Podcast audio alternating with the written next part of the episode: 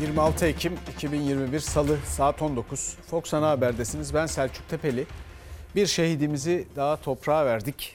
Pençe Yıldırım Harekat Bölgesi'nde teröristlerce PKK'lı YPG'li teröristlerce döşenen el yapımı patlayıcı ile bir uzman çavuşumuz, uzman çavuş Yunus Emre Yalman şehit oldu. Memleketi Osmaniye'de toprağa verildi. Şehidimize Allah'tan rahmet, yakınlarına ve milletimize başsağlığı diliyoruz.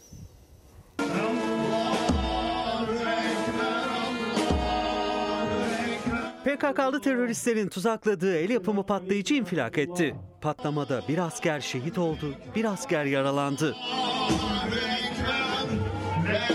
Irak'ın kuzeyinde sürdürülen Pençe Yıldırım Harekat Bölgesi'nden acı haber geldi. PKK'lı teröristlerin yola tuzakladığı el yapımı patlayıcının etkisiz hale getirilmesi sırasında patlama meydana geldi.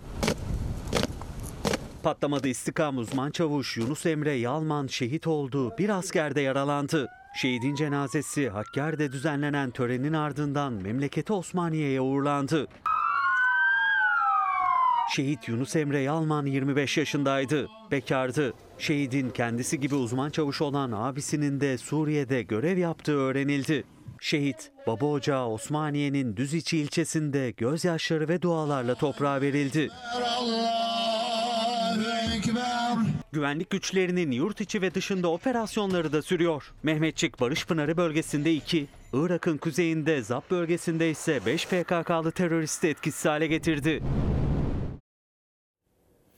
Irak ve Suriye'ye sınır ötesi harekat imkanı sağlayan bir tezkere daha geldi meclise. Bu kez iktidar tezkereyi iki yıl süreyle istedi. Süreyi uzattı. CHP hep evet dediği tezkereye bu kez hayır dedi. Torba tezkere dönemi başladı. Her şeyi koymuşlar bir tezkerenin içine. Gelin buna evet deyin diyorlar. Niye kardeşim? Biz senin her dediğinin altına gidip mühür mü basacağız? Cumhuriyet Halk Partisi samimi olmalıdır. Dürüst olmalıdır, duyarlı olmalıdır. Bu tezkerede ayrıca yabancı silahlı kuvvetlerin Türkiye'de bulunması. Ne demek yabancı kuvvetler Türkiye'de bulunacak? Erdoğan'a sormuyorum. Bahçeli'ye soruyorum, Bahçeli'ye. Bu yabancı askerler kim? Tezkereyi oylarınıza sunuyorum. Kabul edenler, kabul etmeyenler kabul edilmiştir. Irak ve Suriye tezkereleri genel kurulda görüşülmeden CHP lideri Kılıçdaroğlu Bahçeli'ye seslendi. Tezkerede yer alan ve yabancı askerlerin Türkiye'de bulunmasına imkan tanıyan madde üzerinden. Yabancı askerler Türkiye'ye gelip konuşlanacak. Sen yabancı askerler Türkiye gelsin diye el kaldıracaksın. Söyle bakın milliyetçi sen misin biz miyiz? Terörle mücadelenin aması, fakatı, eğeri olmaz, olamaz. Terör merör ayaklarına yatacaksın. Yabancı askerler buraya gelecek. Kim? Almanlar mı? Fransızlar mı? Kimi çağıracaksın sen? Terörü bitirmek için mücadele eden silahlı kuvvetler ve polislerimizdir. CHP liderinin ses tonu yüksek, üslubu sertti. Yıllardır Irak ve Suriye tezkerelerine evet oyu veren CHP'nin bu kez hayır diyeceğini net ifade etti. Selvi Hanım ve ben askerliğini er olarak yapmış oğlumuzun gururlu anne ve babasıyız. Kendi çocuğuna bedelli askerlik yaptırıp milletin evlatlarını ateşe atan şahsın hazırladığı gayri ciddi tezkereler kabul edilemez. Tezkereye hayır diyeceğiz. Yabancı askerlerin potinlerinin Türkiye Cumhuriyeti Devleti'nin topraklarını çiğnemesini istemiyorum. Çıkarın bunu tezkereden. Vatan severseniz bu rezilliğe son verin. Tezkereye ön şartsız evet diyeceğimizi beyan ediyorum. Bizim askerlerimiz şehit olsun. Bunu istiyor beyefendi. Komando marşını söyleyen TÜKVA'cılar var. En büyük komutanımız da Erdoğan diyorlar. E gönder kardeşim onları. Suriye'ye oradaki komutanı da Bilal Erdoğan olsun. Irak ve Suriye'ye sınır ötesi harekat imkanı veren tezkereler bugüne kadar ayrı ayrı geliyordu Meclis Genel Kurulu'na. İlk kez birleştirilerek getirildi. Süresi de bir yıl değil iki yıl. İktidar iki yıllık yetki istedi. Bu iki yıllık süreyle Cumhurbaşkanlığı ve milletvekili genel seçimlerinde seçmenlerimizin tercihlerini etkilemeye yönelik manipülasyonlar düşünülüyorsa tezelden vazgeçmenizdir. Sürenin iki yıllık istenmesinin amacı kararlılığımızın göstergesidir. Yaklaşmakta olan seçimde savaş ilanıyla belki seçimleri biraz daha öteye atmak için iç politikaya yönelik bu hedeflerle tasarlanmış bu oyunda arkanıza dizilecek, size meşruiyet kazandıracak durumda değiliz. Türk Silahlı Kuvvetleri'nin bölgedeki operasyonel varlığının korunması Türkiye'nin milli güvenliği için elzemdir. İdlib'de 34 tane evladımız şehit edildiğinde 6 saat susup açıklamayı Hatay valisine yaptıranlar. Olağan şüphelinin kapısında oturup da 2 dakikalık sayacın Rus televizyonundaki yayınına susanların bize millilik dersi verecek ne hakkı vardır ne haddi vardır. MHP lideri Bahçeli tezkere görüşmelerini oylama bitene kadar takip etti genel kurulda. CHP ve HDP'nin hayır oyu verdiği Irak ve Suriye tezkereleri AK Parti, MHP ve İyi Parti oylarıyla kabul edildi. Bugün etiketimiz, hashtagimiz, tabelamız hep aynı nakarat. Hep aynı nakarat boşuna söylemiyoruz. Birçok e, haberde arkadaşlarım bu arada uyardılar. Aynı nakarat, hep aynı nakarat değil diye. Hep olaymış o da fena olmazmış. Neden böyle diyorum? Neden ben hepi başına ekliyorum? Ya bu ülke aşağı yukarı 300 yıldır 5 konu konuşuyor. 5 tane konu. 6 değil yani. Sayın kendi kendinize bir deneyin. Bakın 6'yı bulabilecek misiniz bakalım. Sonra da diyorlar ki gazeteciler için cennet çok haber var. Türkiye gazeteciler için gerçekten feci bir ülke. Niye? Çünkü gerçekten 300 yıldır aynı konuları konuşuyor ki onları biz de her akşam haber yapıyoruz. Bir türlü çözülmüyor. Bir türlü siyaset bunun bir çaresini şunu bunu bulamıyor. Gerçi çözüm çare sizde. Şimdi o yüzden biz de aynı nakarat dedik. Hep olsa iyi olurmuş ya. Bir dahakine öyle yaparız. Neyse zaten değişeceğini çok yakın zamanda zannetmiyorum. Efendim bizim bugünkü etiketimiz aynı nakarat. Şimdi bir büyükelçiler krizi yaşandı biliyorsunuz. Büyükelçiler memur, devletlerin memurları. Bizim hükümetimizin efendim randevulaşmak, bir yerde görüşebilmek ve orada fotoğraf çektirebilmek için e, çok ısrar ettiği, efendim çok bu konuda hassas davrandığı, mesela Biden gibi Amerika Birleşik Devletleri'nin e, başkanı filan işte onlar gibi insanların atadığı memurlar. Şimdi bu memurların dersini almış olması olmaması filan hani çok önemli mi değil mi bilemiyorum. Bunu daha uzun süre konuşmaya devam edeceğiz. Ama bakalım bu büyükelçiler krizi bitti mi bitmedi mi nasıl bitti? Büyükelçilikler tarafından yapılan yeni bir açıklamayla yargımıza ve ülkemize yönelik bühtandan geri dönülmüştür. Şöyle okuyabilirsiniz. Biz bir yanlış iş yapmadık kardeşim. Uyduk uymaya devam ediyoruz. 18 Ekim bildirisinden geri adım atılması anlamlıdır, yerindedir. Alınan yanlış kararın telafisi için de bürokrasinin gece gündüz çalıştığına da tanırız. Türkiye böyle bir rezaleti yaşamadı. Dünyada da böyle bir rezalet olmadı. Cumhur İttifakı ortakları Amerika ile birlikte 10 büyükelçiliğin Viyana Sözleşmesi'ne bağlılık açıklamasını geri adım olarak yorumluyor. Ama muhalefet aynı düşüncede değil. Amerika Dışişleri Sözcüsü de geri adım olmadığı mesajını verdi. 18 Ekim'de ortaya koyduğumuz açıklamanın Viyana Sözleşmesi'nin 41. maddesiyle uyumlu olduğunu dile getiriyoruz. Ülkemizin bağımsızlığına ve milletimizin hassasiyetlerine saygı duymayan hiç kimsenin sıfatı ne olursa olsun bu ülkede barınamayacağını da ayrıca ifade etmek istiyorum. Amerika ve Almanya'nın da aralarında olduğu 10 ülke büyükelçisinin Osman Kavala ile ilgili Türkiye'nin ahim kararına uyması ve Kavala'nın serbest bırakılması çağrısına karşı büyükelçilerin istenmeyen kişi ilan edileceğini yani sınır dışı edileceklerini Cuma günü açıkladı Erdoğan. Bu 10 tane büyükelçi bunların bir an önce istenmeyen adam ilan edilmelerini hemen halledeceksiniz dedi. Ankara 48 saat boyunca resmi bir karar bildirmedi o ülkelere. Pazartesi günü de o büyükelçiliklerden yeni açıklama geldi. Yabancı misyonların ülkelerin iç işlerine karışamayacağını da düzenleyen Viyana Sözleşmesi'nin 41. maddesine riayet etmeye devam edeceğiz açıklaması yaptılar. O açıklamayı Cumhurbaşkanı Erdoğan olumlu karşıladı. Bahçeli de. Büyükelçilerin istenmeyen kişi ilanı da rafa kalktı. Bizim niyetimiz asla kriz çıkarmak değil. Ülkemizin egemenlik haklarını korumaktır. Dışişleri Bakanlığı'nın bütün bürokratları günün 15-16 saatini çalışarak bu kazayı atlatmayı başardılar. Sayın Cumhurbaşkanımızın sağlam ve tavizsiz duruşu tarihi bir yanlışın düzeltilmesinde bize göre önemli bir dayanaktır. Skandal skandal. İstediği gibi satsınlar. İstedikleri gibi paketlesinler. Ya ağzınızdan bir söz çıkıyor. Aşağıdan nasıl pazarlıklar yapıldı belli değil. Yazıktır bu ülkeye. Cumhurbaşkanı da Bahçeli de krizi sonlandıran büyükelçilerin geri adımı diyor. Muhalefet ise Cumhurbaşkanının istenmeyen adam talimatı verdiğim sözünü hatırlatıyor. Dışişleri bürokratları sayesinde Türkiye'nin bir kazadan döndürüldüğünü söylüyor. Meydanda alkışı görünce aklına gelen ilk şeyi söylüyor. Ruh sağlığı sorunlu olan birisine bir devlet teslim edilemez. Cumhurbaşkanı olarak malum açıklamayı yapan büyükelçiler hususunda ülkem ve milletim adına ortaya koyduğumuz tavır sorumlu ve samimi duruşun tezahürüdür. Bir ruh hastalığının dış politikaya yansıması. Kılıçdaroğlu ve Meral Akşener de Cumhurbaşkanı Erdoğan'a aynı ithamla eleştirdi. Amerika Dışişleri Bakanlığı Sözcüsü Ned Price da Erdoğan'ın kabine toplantısı sonrası yaptığı açıklamaları not ediyoruz. Büyükelçilerin son açıklaması da 18 Ekim'de yapılan Kavala çağrısıyla uyumlu dedi. Yani geri adım yok mesajı verdi.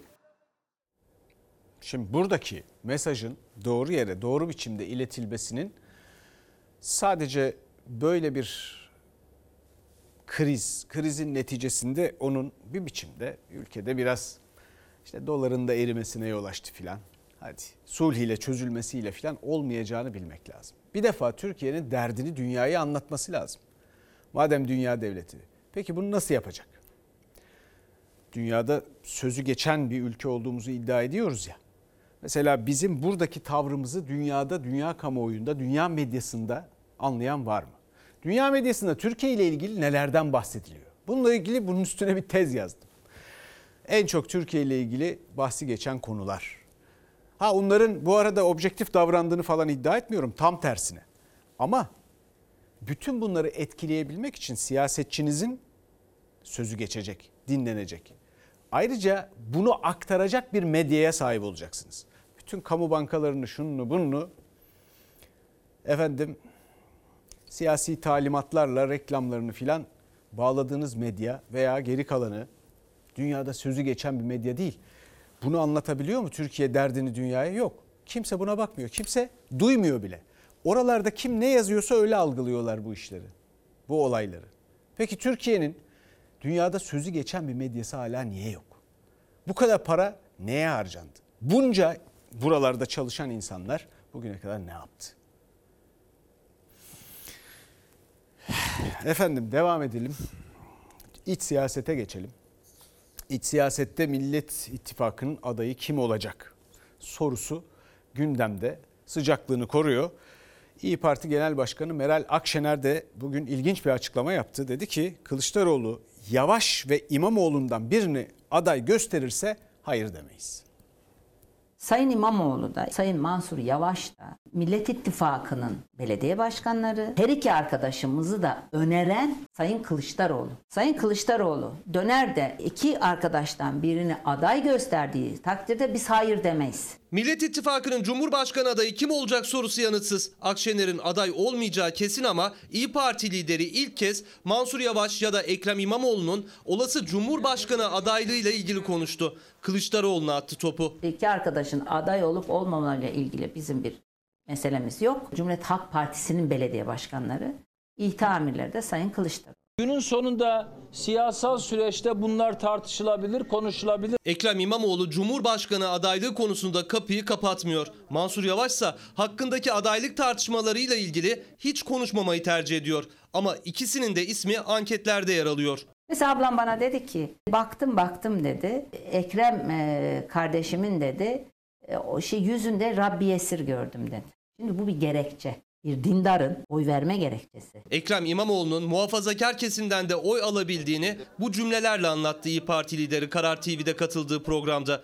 İmamoğlu'nun da Mansur Yavaş'ın da adaylığına itiraz etmeyiz dedi. Ama çekincesini de açıkça dile getirdi. Seçmen bölünebilir diyerek. Sahada en fazla olan benim. Muhalif seçmeni iki arkadaşım üzerinden taraftarlaştırma gibi bir eyleme döndü bu iş. Bunu yanlış buluyorum. Yarın velev ki bu iki arkadaşımızdan biri aday gösterildi. Taraflaşmış o insanlar o gösterilen adayın arkasından yürüyecek mi yürümeyecek mi diye bir endişem var. Millet İttifakı ilk seçimde iktidarın değişeceği konusunda iddialı. Akşener 13. Cumhurbaşkanı Millet İttifakı'ndan çıkacak derken sistem değişikliğine ilişkin de konuştu. Başbakan yetkisine sahip Cumhurbaşkanı yardımcısı teklifini dile getirdi. Seçilen Cumhurbaşkanı da tekrar seçilmesine gerek yok.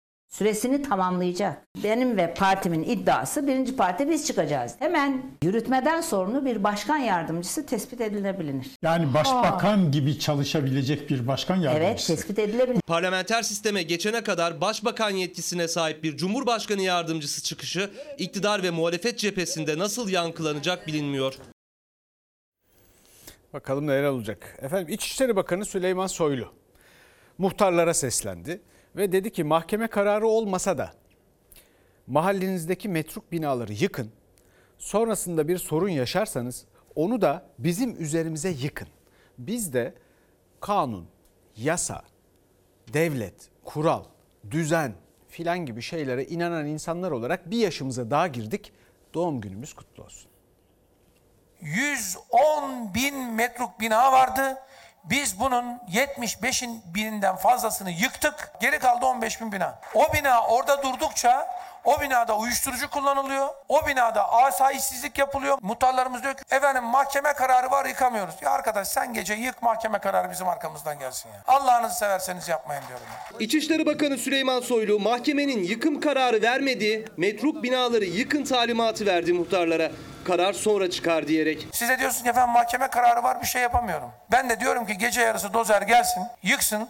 Kim yıktı biz nereden bilelim ya? İçişleri Bakanı Soylu kadın muhtarlarla buluştu. Muhtarların en çok mahallelerindeki metruk binalarda uyuşturucu kullanımı ve asayişsizlik olayları yaşanmasından şikayetçi olduğunu dile getirdi. Binaların yıkılması gerektiğini söyledi ama mahkeme kararı olmasa da. Efendim mahkeme kararı var yıkamıyoruz. Ben de diyorum ki gece yarısı dozer gelsin yıksın. Biz de sabahleyin bu metruk binanın oradaki molozunu kaymakamlık olarak, valilik olarak, belediye olarak toplayalım. Sen gece yık mahkeme kararı bizim arkamızdan gelsin ya. Suç İşleri Bakanı'nın mahkeme kararı arkamızdan gelsin ifadesi organize suç örgütüyle karşı karşıya olduğumuzun açık bir itirafıdır. Muhalefet İçişleri Bakanı'nın sözleri kanunsuzluğa çağrı dedi.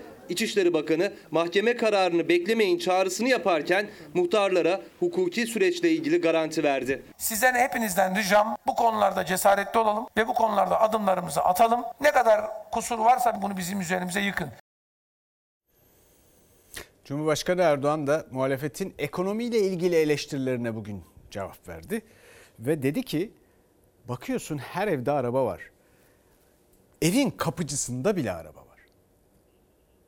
Asgari ücret 2825 lira, açlık sınırı 3049 lira. Türkiye Cumhuriyeti tarihinde asgari ücret açlık sınırının altına düşmemişti. Ya utanmadan, sıkılmadan evine götürecek ekmeği yok diyor. Ya böyle bir yalan olur mu? Şu anda bakıyorsunuz her evde araba var. Kapıcısında araba var. Dönüyorsun apartman görevlisinin arabasına göz dikiyorsun. Onlar zengin diyor. Sen apartman görevlisinin kaç lira aldığını biliyor musun? Asgari ücretin kaç lira olduğunu biliyor musun? O insanların çocuklarının rutubet ortamında yaşadığını biliyor musun? Muhalefetin vatandaş geçinemiyor eleştirilerine Cumhurbaşkanı Erdoğan her evde araba var diyerek yanıt verdi. Ekonominin iyi olduğunu anlatmak için kurduğu kapıcıda da araba var sözlerine muhalefet ses yükseltti. Niye kapıcıdan örnek veriyorsunuz? Vatandaş da diyor ki ben diyor alın terimle araba almışım diyor. Ödediğim vergilerle bindiğiniz arabaları söyleyin diyor. Kullandığınız binaları söyleyin diyor vatandaş. Özür dilenmesi gereken bir şeydir. Bakıyorsunuz her evde araba var. Kapıcısında araba var. İkinci el araba yetişmiyor zaten. Böyle bir durum var. Onun arabası var diye Türkiye zengindir sanıyor. Sen o arabayı o kişi alırken, o cep telefonunu o kişi alırken kaç lira vergi ödediğini biliyor musun sen? Ev, araba, bilgisayar, cep telefonu lüks değil ihtiyaç oldu. Şimdi kendi oluşturduğumuz sınıfa yabancılaştık. Çatışıyoruz. Yazık. AK Parti Genel Başkan Yardımcısı Vedat Demiröz de her evde 2-3 telefon var diyerek Türkiye'de alım gücü yüksek demiş. AK Partili Şamil Tayyar telefon, araba lüks değil ihtiyaç tepkisi göstermişti. Bu kez Erdoğan'dan her evde kapıcıda araba var çıkışı geldi. Sayın Cumhurbaşkanı'nın sokağa inip ülke gerçekleriyle yüzleşmesini diliyorum. Vatandaşı kandırabilirsiniz ama bizi kandıramazsınız. Biz çünkü hepsinin istatistiklerini tutuyoruz. Nerede, ne oluyor, ne satılıyor? Bu vergiler nereye gidiyor? Sen bu paraların tamamını saltanatın için kullanıyorsun. Dönüyorsun apartman görevlisinin arabasına göz dikiyorsun. Cumhurbaşkanı araba örneğiyle ekonomik sıkıntı olmadığını söyledi. Muhalefet zamlar karşısında eriyen maaşlarla Cumhurbaşkanına yüklendi. Elektriğe son bir yılda 3 kez zam yapıldı. Doğalgaza 8 defa, benzine bir yılda 10 kez zam yapıldı. Çok düşük gelirli vatandaşlarımızı sahipsiz bırakmıyoruz. Dolar her 10 kuruş arttığında vatandaşın sırtına gelen yük 24 milyar Türk lirası. Kazanan devlete dolarla borç para verenler, dolarla ihale alanlar. Cumhurbaşkanı son bir ayda döviz kurundaki yükselişle ilgili yine cümle kurmadı ama her evde kapıcıda araba var sözleri muhalefeti konuşturdu. Şimdi bu telefon, araba, otomobil söylemi e, ilginç. Hakikaten ilginç. Çünkü bir defa bu insanların, bu ülkedeki insanların bir arabacık alabilmesi, onların hayallerini ne kadar konsantre etmek zorunda kaldıklarının da göstergesi. Pek çok eksikleri var insanların hayatlarında. Mesela arabayı park ettikleri evleri, o apartman dairesi ya da neyse depremde yıkılabilir. Bunun üstesinden gelemiyorlar. Çünkü müteahhitler pahalı evler üretiyor. Araplara satmak için üretiyor. Bu memleket depreme karşı önlem almak zorunda almıyor. Yahut bunun gibi pek çok uygunsuz, pek çok aşılması gereken engel teşkil eden durum var. Devlet insanlara gerçek bir yön göstermiyor. Sağlam bir gelişme, ekonomik olarak sağlam bir hayat yaşayabilecekleri bir plan sunmuyor. Peşine düşmüyor. İnsanlar da borç harç bir araba alıyorlar. Ve devlet ve hükümet ve özellikle AK Parti hükümeti bunu teşvik ediyor. Senelerce teşvik etti. Faizlerini düşürdü. İşte niye? Çünkü böyle geçici heveslerle hayallerinin son aşamasını hiç olmasa bir miktar bir arabanın içine doldurarak yaşasın diye. Şimdi de başına kakıyorlar. Tabii bu millet de bütün bunları bir kere yaşamadı, çok yaşadı. Kendine göre önlemini alıyor. Ülkede dolaşan paranın yarıdan fazlası, %60'a yakını döviz. Bu hükümetine de devletine de güvenmediğini gösterir ekonomisine de. O yüzden Türkiye bu dolar belasından kurtulamıyor ya. Ama orada şimdi arabasına göz dikiliyor. Efendim dün yarımızı en azından seviyorlardı. Bugün görüyorum ki hiçbirimizi sevmiyorlar. Efendim bu araba demişken bir de benzin meselesi var. Tabii onun deposunu doldurmak lazım. Ben bakıyorum trafik giderek azalıyor. E çünkü depo doldurmak büyük mesele. Yarın öbür gün hayır trafiğe filan çare haline gelecek bu tuhaf durum. Bu pahalılık, bu benzin ve mazot fiyatları filan. Sonra hayır belediyelerde el değiştirdi ya trafiğin azaltılmasından dolayı filan onlar da övülmeye başlayacaklar. Orada iktidara başka bir sorun çıkacak. Dün gece 44 kuruş zam geldi benzine. Bu gece 28 kuruş daha geliyor. Benim buna ekleyecek bir şeyim yok.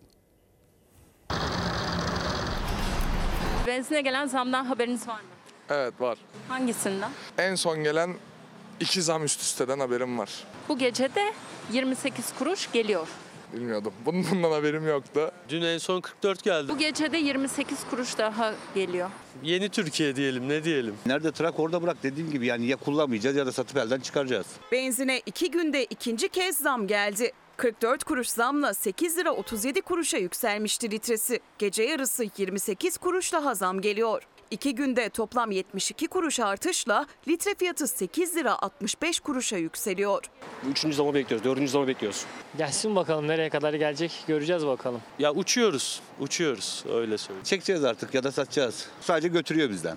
Geçmiş olsun diyorum hepimize. Bu duruma birisinin dur demesi lazım. Döviz kuru nedeniyle benzindeki artışa dur denilemiyor. Bir yıl önce litresi 6 lira 71 kuruştu. Aydan aya arttı, ÖTV marjı da kalmayınca 9 liraya dayandı. Sadece son bir yılda 1 litrede fark neredeyse 2 lira. Halkın bu kadar üstüne gelinmesinden yana çok şikayetçiyim. Özellikle bu benzin zammı, doğalgaz zammı, dolar kuru. En son ne zaman fulllediniz bu arabayı? Hiç. 15 yıldır kendi aracımı kullanıyorum ama fullediğimi hatırlamıyorum. Doların her hareketi benzini tetikliyor. Benzin hiç ara vermeden ardı ardına zamlanıyor. Depoyu doldurmak zordu, imkansız hale geldi. Çünkü son iki zamla depoda 40 lira fark ediyor. Herkesin arabası var, her her evde buzdolabı var. Artık bunları bırakıp ülkemizde artık refah istiyoruz. Zam gelmeden dolduralım dedik.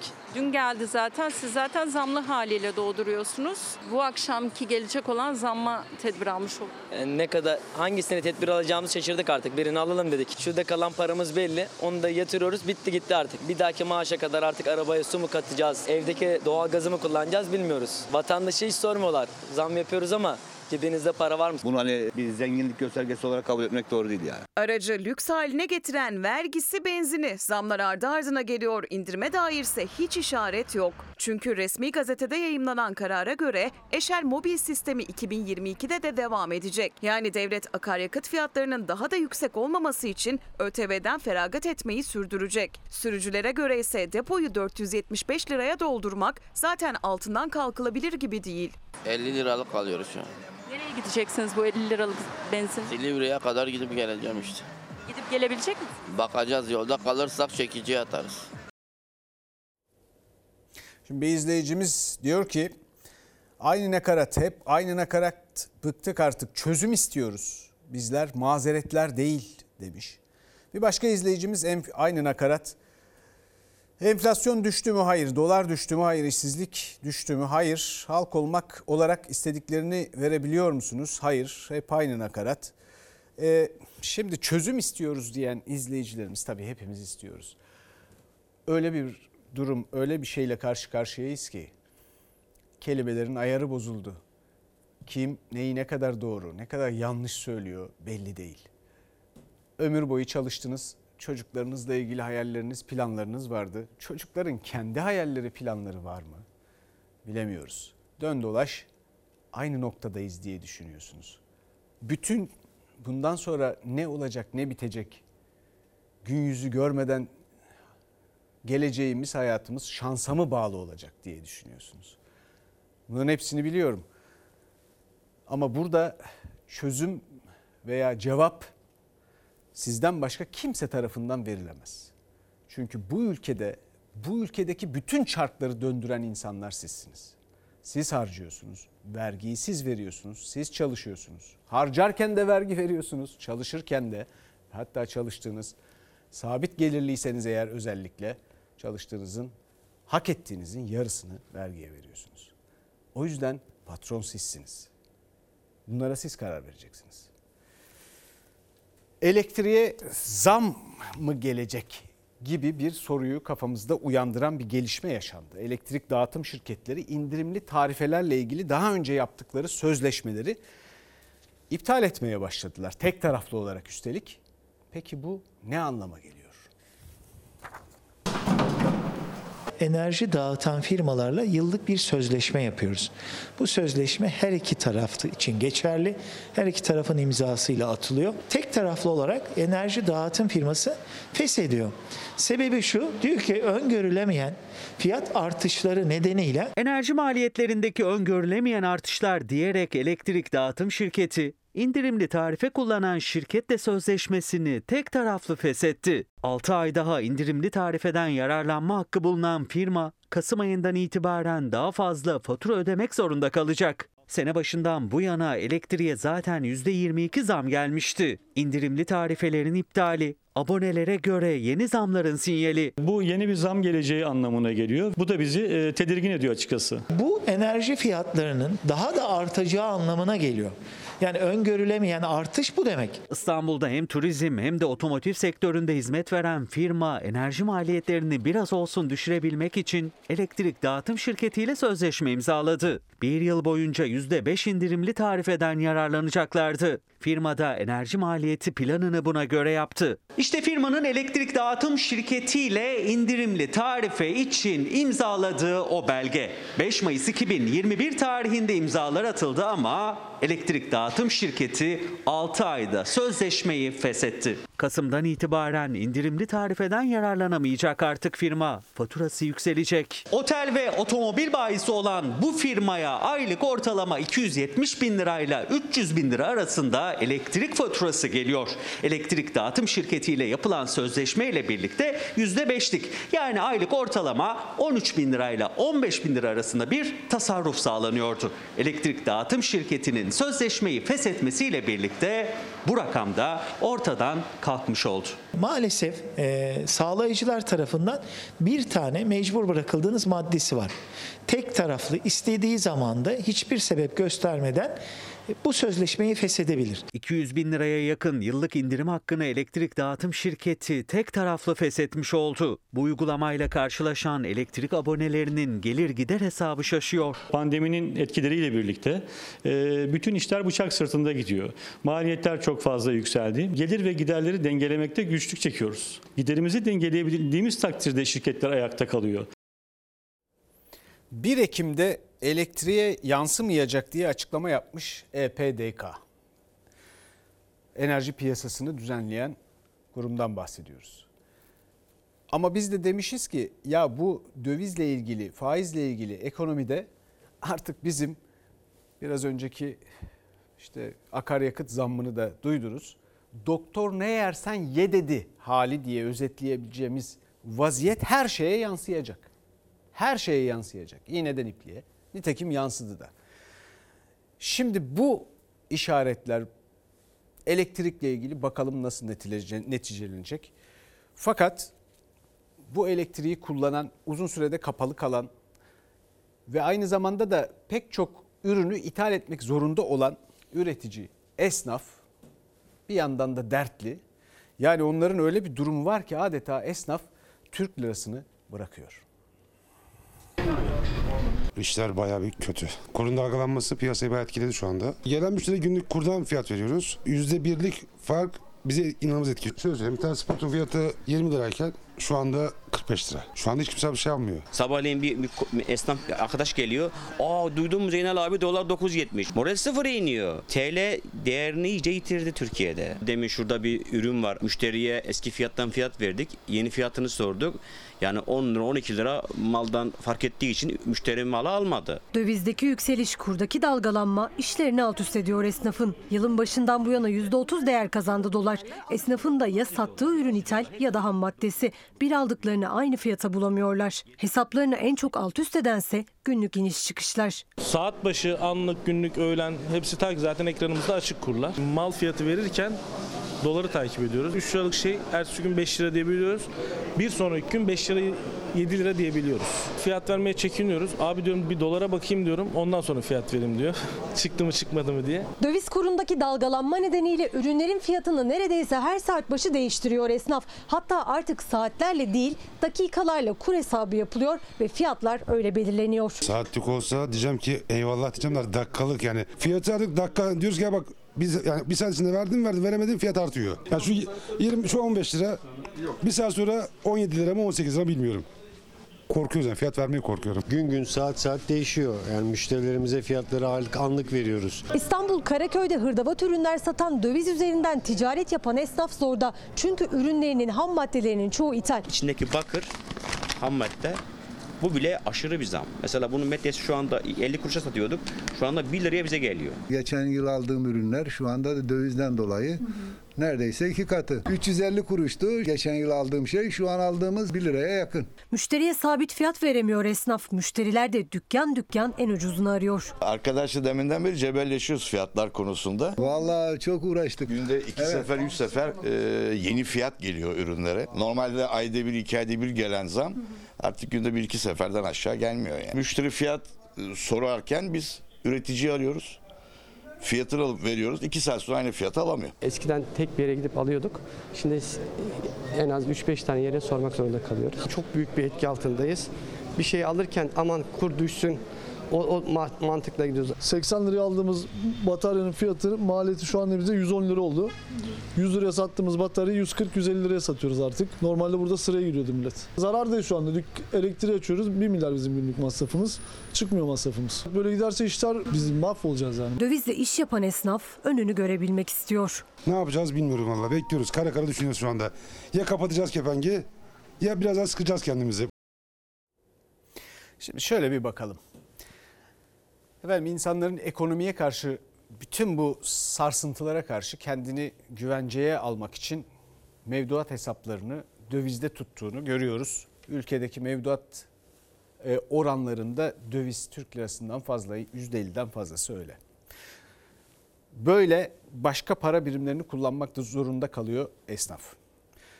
Bakıyorum ortalıkta gurbetçimizin gelmeyeceği çeşitten yani onlar titiz bizim kıymetli gurbetçimiz yurt dışında çalışan insanlarımız. Hemen daha rahat uzun yola dayanan arabalarla geliyorlar filan. Böyle gündelik kullanıma uygun şehir içi araçlarla gelmiyor ama bakıyorum yabancı plakalı araçlar var. Plakalarda muhtemelen vergiden kaçmak için belki bilmiyorum. Sonra ülkenin menkul veya gayrimenkul kıymetleri bu ucuz paralara el değiştiriyor, yabancılar alıyor. Bir yandan ona bakıyoruz. Orada bir yabancılaşma var. Başka pasaportlara, başka e, ülke vatandaşlıklarına geçenler var filan. Ya bütün bunlar bir millet olmanın delilleri, göstergeleri. Bir bayrağımız kalıyor Allah aşkınıza. Bu nasıl bir millet olmaktır? Buna bir bakmak lazım ya. Efendim şimdi geçelim bir başka meseleye. En temel maddelerimizden, tüketim maddelerimizden mutfakta ayçiçek, ayçiçek yağında aynı nakarat. 15 gün evvel 72,5 almıştın. Şimdi 90 lira. Yakında 100 lira olacak. Bir dahaki hafta 100 lira olacak. Bir ya bir ay gitmiyor. E, bir 90 lira 100 lira ben alamıyorum. Alamıyorum gücüm yetmiyor çok pahalı. Ezgiden 30 liraydı 35 liraydı. Şimdi 90 lira ettiler ya. 90 lira bizim gücümüz mü ya? Benim evime günde 100 lira girmeyen bir ev. En ucuzundan gideyim alayım desen en ucuzu 75 lira. O da pahalı. En çok zamlanan ürünlerin başında en temel ürün geliyor. Ayçiçek yağının 5 litresi 95 liraya çıktı. Her eve her yemeğe giren yağın fiyatı bir yılda iki katını aştı. 45 liraydı yükseldi yükseldi 100 liraya dayandı. Bir kullandığımız yağ zaten. Yağ, tuz, şeker bunlar da zaten aldı başını gidiyor. Yani ekonomik o kadar sıfır. Yani hiç hiçbir şeye yetişemiyoruz. Yani 100 milyonumuz şu anda 10 milyonun yeni bile kaplamıyor. Paranın değeri kalmadı ki. Bir adam çalışıyor askeri ücret bir yak 100 TL. Git gide git gide zam. Her hafta zam, her gün zam. Tencerede pişen ne olursa olsun içine mutlaka yağ konmak zorunda. Ancak yağın da fiyatı cep yakacak cinsten. 1 litre ayçiçek yağının fiyatı 25 lira. 5 litreliğinin fiyatı ise 95 lira. Marketlerdeki gıda denetimleri bu fiyatları aşağıya çekmeye yetmedi. Şimdi bir de gümrük vergisi sıfırlandı. Gümrük vergisinin düşürülmesi, sıfırlanması tüketici açısından hiçbir işe yaramıyor. Bu fiyatların kısa sürede geriye gelmesi yani düşmesi çok mümkün görünmüyor. İki gün önce 93 liraydı. Dün baktım 95 lira. Yarın bilmiyorum 100 olur herhalde. Yüzü de geçer. İstanbul Zeytinburnu'nda dar gelirlinin marketinde etiket hemen her gün güncelleniyor. 5 litresi 95 liraya çıkan fiyatın düşmesi ise tarım yazarı Ali Ekber Yıldırım'a göre ithalatla da mümkün olmayacak. Çünkü Türkiye tüketilen ayçiçek yağının %35'ini başka ülkelerden alıyor. Türkiye dünyanın şu anda en çok e, ayçiçeği tohumu ve ham yağ ithal eden ülkesi.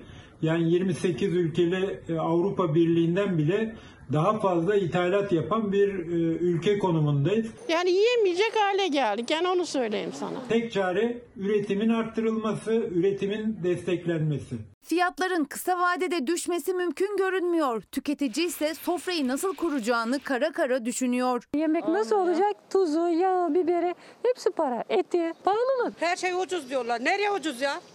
Herkes pahalılıktan yakınıyor. Herkes e, açlığından sürünüyor ya. Covid-19'la mücadeleye geçelim. Aşılamada şimdi hedef gençler. 40 yaşındayım. 40 yaşından beri yaşamadığımı yaşadım bir anda. Soluk alamadım. Nefes alamadım. Çok zor. Çok. Ben aşı kurulmadığım için 15 günden beri böyle yatıyorum.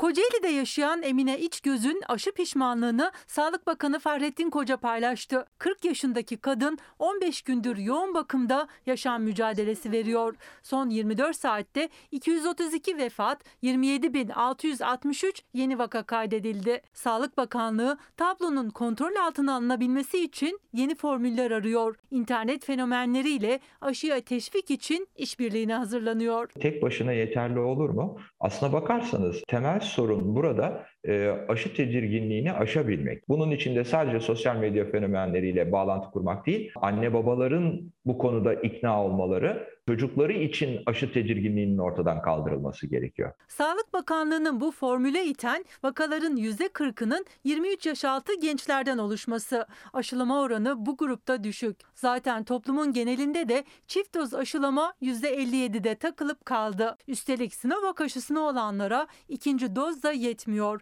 Üçüncü doz aşısına olanların günlük sayısı 81 ilde sadece 40 bin. Aslında bakanlığın yapması gerekli olan hangi durumda olan insanın hangi aşıyı hangi tarihlerde yaptıracağına yönelik bir algoritma yayınlayabilmek. Ama tamamen loto oynar gibi insanlar e-nabız sistemlerine giriyorlar. Acaba bana aşı çıktı mı, çıkmadı mı? Enfeksiyon hastalıkları uzmanı Profesör Doktor Bülent Ertuğrul'a göre böyle devam ederse Türkiye'yi salgında zorlu aylar bekliyor. Bizim korkumuz bu pandemi sürecinin üzerine bir de influenza yani grip ve diğer solunum yolu virüslerinin de eklenmesi. Biz sağlık çalışanları açısından ne yazık ki bu kışta zor geçecek. Bizim açımızdan zor geçen kış elbette toplum açısından da zor geçecek diyebiliriz. Bu kadar der, der, derdi yakalanacağımı bilseydim fırılmak isterdim. Görüyorsun soluk cihazına zor oluyorum nefesim. Aşınızı fırın. Aşınızı fırın. Benim yaşadıklarımı yaşamayın. Şimdi bir de buradan bakın. Üniversiteye önce kaydettiler sonra da kapıyı gösterdiler.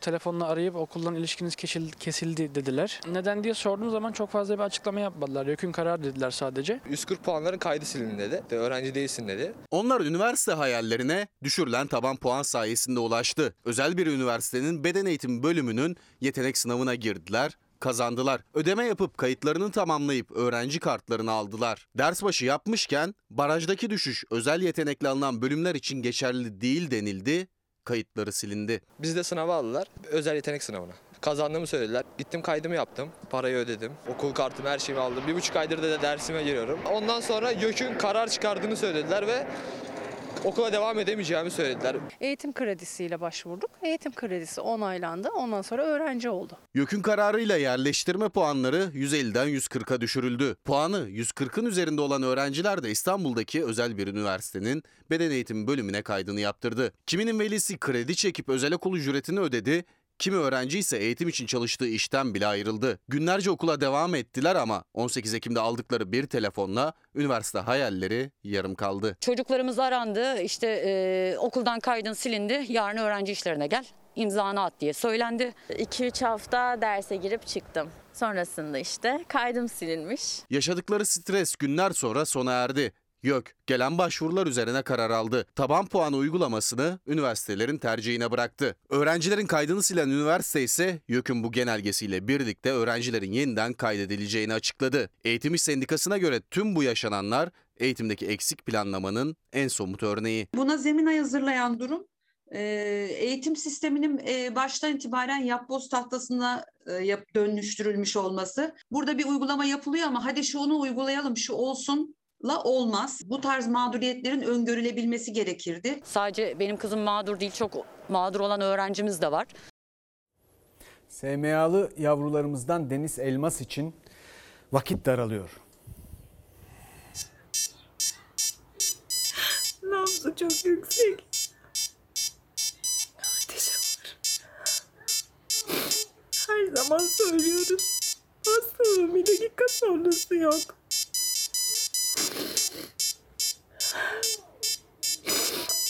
Yalvarıyoruz bir yıldır.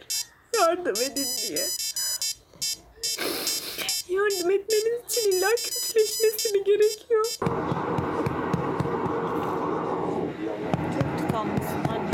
SMA hastası Deniz Bebek her geçen gün daha zor nefes alıyor. Evlatları yaşasın diye ailesi bir yıldır kampanya düzenliyor ama yurt dışındaki gen tedavisi için ancak %79'a ulaşabildiler. Tedavinin kriterleri var, zaman daralıyor. Anneciğim ama nefes alamıyorsun böyle. Tek kalkmamız lazım anneciğim. Hayır ağlama tamam. Tamam bir tane. Tamam. Bitecek anneciğim. Hepsi bitecek. Evladımın artık dayanacak gücü kalmadı. Ben onun kokusu olmadan yaşayamam. Lütfen bize yardım edin. Bitsin artık bu kampanya. Deniz Elmas'a 2 aylık gen teşhis konuldu. Tek umudu gen tedavisiydi ama Sağlık Bakanlığı karşılamamakta ısrarlı. Onlarca bebeğin ailesi gibi Elmas ailesi de 2 milyon 200 bin doları kendi imkanlarıyla toplamaya çalışıyor. Valilik izniyle kampanya düzenliyorlar. Bu süreçte e, deniz kas kaybından dolayı göğüs kafesine çöküntüler oluştu. Skolyozu ilerledi ve bu ilacımız için iki kriterimiz vardı. 2 yaş kriterini kaçırdık. E, İkinci kriterimiz 13,5 kilo kriteri. Şu anda Deniz 12 kilo. Son 1,5 kilomuz kaldı. Biz Deniz'in bu şansını kaybetmesini istemiyoruz. Eğer kilo kriterini de aşarsa para tamamlanmış olsa bile ilaç uygulanamayacak Deniz bebeğe. Ailelerse kampanyalardan yorgun. İlacın SGK kapsamına alınmasını talep ediyorlar. Gen tedavisi alıp Türkiye'ye dönen çocuklardaki gelişimi Sağlık Bakanlığı da görsün istiyorlar. Tamam anneciğim. Geçecek anneciğim. Geçecek tamam. Deniz Bebek için kampanyada çok az bir miktar kalmış. Yarın da bir etkinlik var. Onu da söyleyelim bununla ilgili. Şimdi bir ara bir dakikada görüşmek üzere. Bir izleyicimiz demiş ki aynı nakarat hayal kurmak bile hayal oldu. Ağır laf.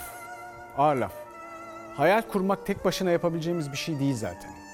Biz hiçbirimiz Namık Kemal'in sözüyle kendimize ait değiliz. Kendimize sahip değiliz. Ama birbirimize sahibiz. O yüzden siz siyasetteki hırgürü, bütün bu kutuplaştırma çabalarını filan bunları bir kenara bırakın. Birbirinize sahip çıkın. Öyle olduğunda tekrar hayal kurmaya başlayabildiğimizi göreceksiniz. Türk milleti büyük millet. Bunu yaptı, bir daha yapacak, hakkı olanı alacak. Efendim bizden sonra evlilik hakkında her şey var yeni bölümüyle. Bu akşamlık bu kadar. Yarın görüşmek üzere. bir yanda Yiğit yaşar koynunda Aşıklar destan yazar dağlarda Kuzusuna